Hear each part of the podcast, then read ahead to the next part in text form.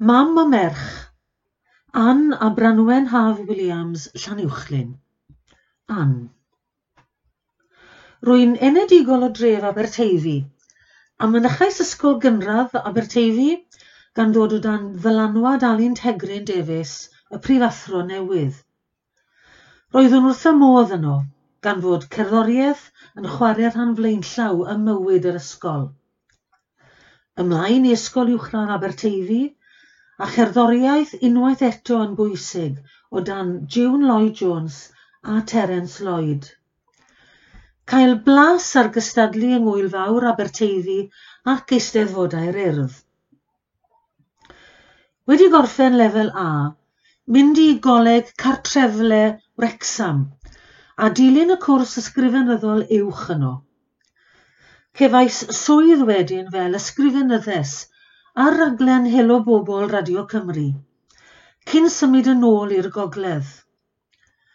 Yno bu mewn rhannu tŷ gyda dwy ferch arall ac mi oedd un ohonynt, Ann O. Williams, eisoes yn aelod o gwmni theatr ieuenctid Maldwyn.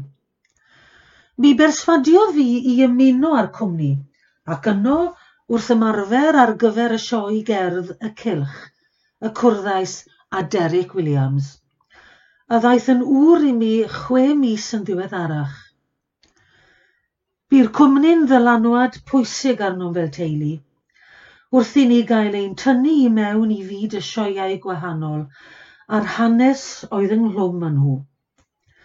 Byddem yn colli Derek wrth iddo ymchwilio'r cyfnodau hanesyddol yn ei tro, ond yn rhyfeddu pan fyddem yn cael clywed y caneuon am y tro cyntaf yn naturiol.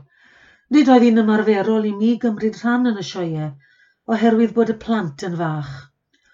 Ond byddwn wrth y modd yn gweld yr ymateb i'r cynnyrchiadau, pan fyddant yn cyrraedd yn eiaddau a'r theatre.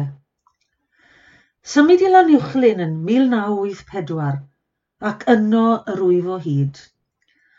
Mae'n bentre prysur a hawdd ffeindio chi'n allan bob nos rhwng un peth a'r llall.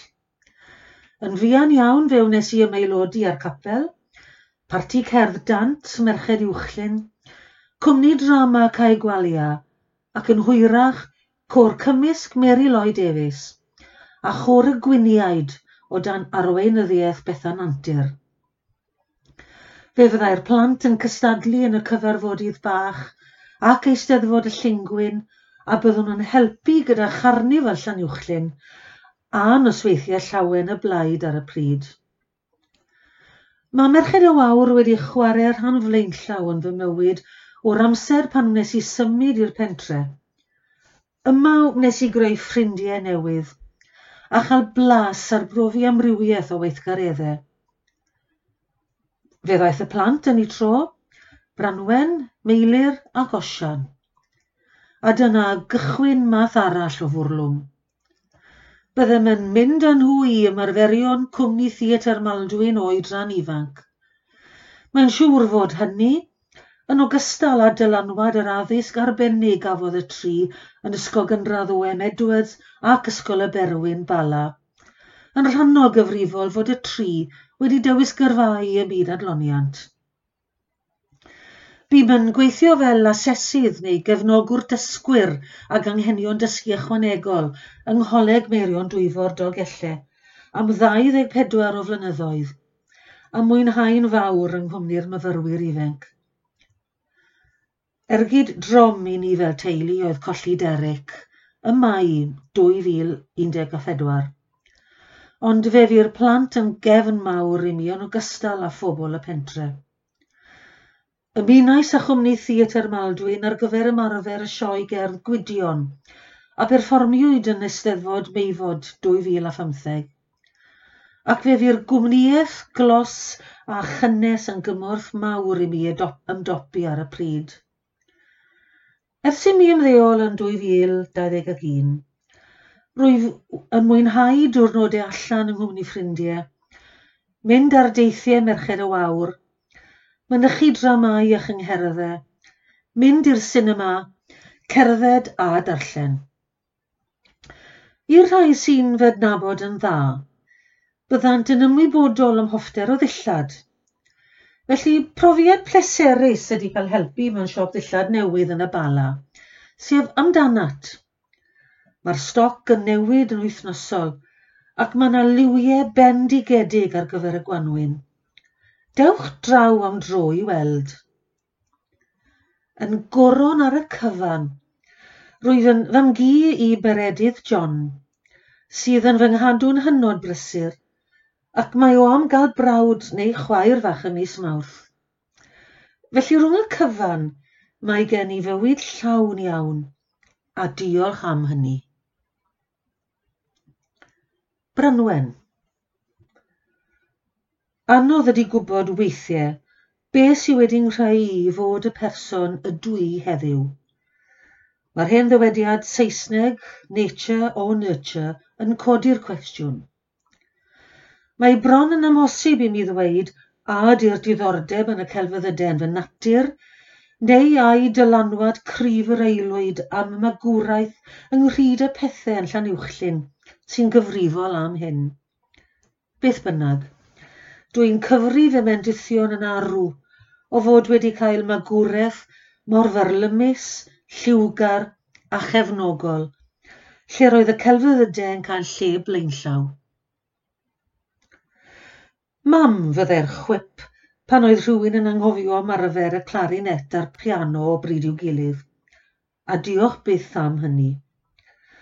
Mae dysgu canu unrhyw offeryn yn gofyn am ddisgyblaeth ac ymroddiad, ac fe ddangosodd mam i fi beth oedd gwerth hynny.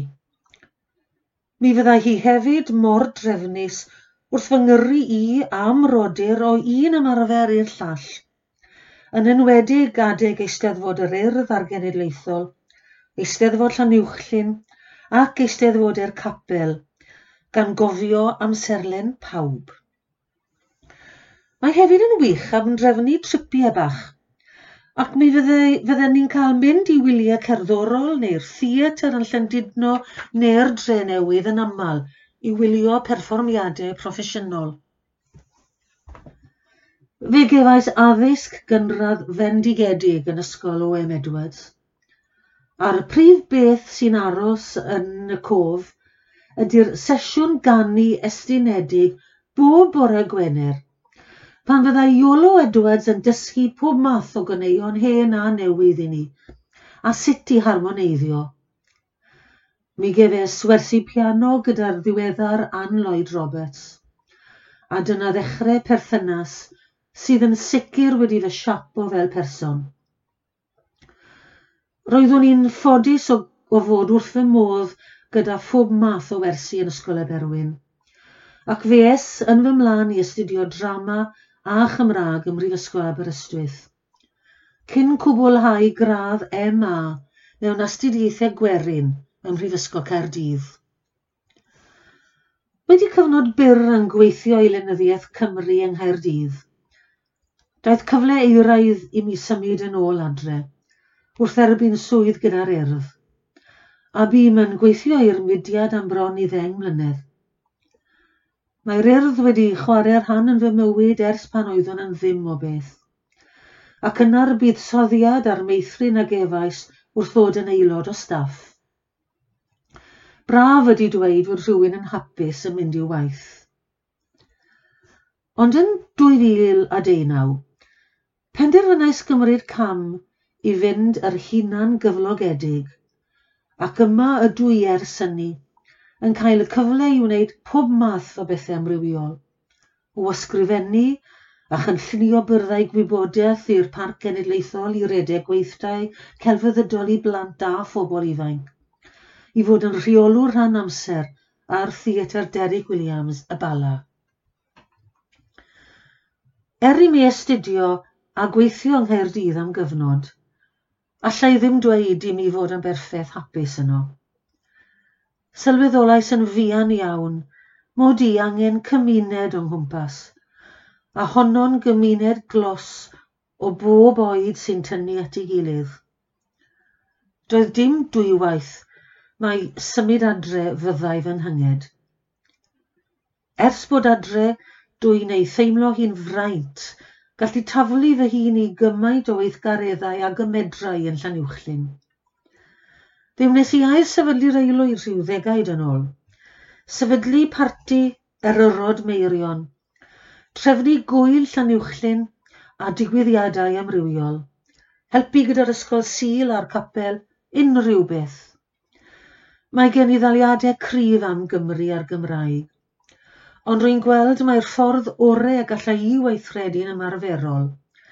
Ydy gwneud fy rhan yn lleol. Does dim dwywaith o'r cwmni Theatr Maldwyn wedi chwarae rhan anferth yn fy mywyd, gan fod dad, Derek Williams, yn un o'r sylfaenwyr. Mi allai i deimlo'r cyffro rŵan o gael mynd gyda go i ymarferion a pherfformiadau, hyd yn oed os oedd hynny am y canfed tro. Roedd gwylio dulliau dad o fod yn arweinydd yn gwneud i mi fod eisiau bod yr un peth, ac fe sefydlais gwmni perfformio pan yn y brifysgol yn Aberystwyth, er mwyn llwyfannu un o sioiau'r cwmni, my Fi Yw. Dylanwad amhrisiadwy arall oedd Linda Gittins, cyfansoddwraig ac MD y cwmni. Dyna allu cerddorol aruthrol sydd heb i werthfarogi ddigon yma yng Nghymru. Weles i neb tebyg am drefnu rhannau dyfeisgar i gorws, a medru arwain yr hyn sy'n digwydd ar y llwyfan, y band a chyfeilio i gyd yr un pryd. Roedd mam a dad yn gwrando ar bob math o gerddoriaeth, ac fe gyflwynodd mam fi i Steve Eves, sydd wedi bod yn arwr byth ers hynny. Roedd Radio Cymru ymlaen bob amser adre, ac yn naturiol fe gyflwynodd hyn fi am brodyr i bob band oedd yn bodoli yng Nghymru. Tyfodd hyn yn obsesiwn ac roeddwn i'n torri mol eisiau bod mewn band. Felly sefydlodd osian fy mrawd ieuengaf a fi fan dysgol o'r enw Pala. Wedi hynny, des yn aelod o Cowboys Rhos Botwnog, bron ddegawd yn ôl, Rwy'n perfformio achlysuror gyda Candelas, yn canu mewn deiawd fwy gwarinol gyda gosian, sef Siddi, ac mewn band arall o'r enw Blodau Papur, gyda'r anhygol Alice Williams yn canu. Yn 2019, priodes un o fy ffrindiau, sef Cynon Gwilym Thomas o Lan Llechyd, ac rydyn ni wedi ymgartrefu yn Llanuwchlyn. Yn rhyfedd iawn, mae Cynon fel petai'n perthyn i hanner yr ardal, felly mae ganddo yn tewreiddiau yma. Fe ddaeth her y cyfnod clo im rhan, pan wirfoddolodd Cynon yn rhwnwedd i swydd fel meddu, i fynd i weithio ar y wardiau Covid. Welson ni mewn gilydd am 16 wythnos ac roeddwn ar y pryd yn cario ein plentyn cynta. Dipyn o her. Ond roedd ail gydio mewn bywyd yn hyfryd, ac fe anwyd Meredydd John, fis hydref 2020. Rhywun arall sy'n canu o fore gwyn tan nos. Mi fydd yn cael brawd neu chwaer i gannu deiawd efo fo ddiwedd mis mawrth yma. Teithio yn y car roeddwn i pan glywes i eitem ar raglen radio De Thomas, yn trafod dod am eibion llywarch i ben. Dwi'n cofio siarad efo Osian am eilir yn syth wedi hyn, a meddwl tybed fedrwn ni ddechrau parti gweri newydd yn lleol gan fod cymaint o hogiau cymarol ifanc wedi dewis dod yn ôl i fyw i, la, i lan uwchlyn. Fethon ni ati'n syth i gynnal ymarfer gyda phymtheg o hogiau ac anelu at gystadlu ar y Parti Ala Werin yn yr Eisteddfod Genedlaethol y flwyddyn honno. Ers hynny, buom yn cynnal cyngherddau ar hyd y lled y wlad, recordio ein halbwm cyntaf, cystadlu droion yn y genedlaethol, mynd draw i'r wyl Bangeltedd ac wedi cynrychioli Cymru ar ran croeso Cymru yn Utrecht. Mae bod yn cwmni'r hogiau a'i gweld yn gweithio mor galed i ddysgu a dehongli darn o gerddoriaeth, yn un o'r pethau sy'n dod ar boddhad mwyaf i mi. Mae arfer rhestr ers tro i ymuno â mudiad eiconig Merched y Wawr, ac unwaith y bydd babi rhif dau wedi setlo, byddaf yn y cyfarfod nesaf Llanuwchllyn ar fy mhen Mae'n gam hollol naturiol i ni wneud hynny, ac mi fyswn i wrth fy modd yn cael y cyfle i gymdeithasu rhagor efo merched o bob oedran yn y pentre.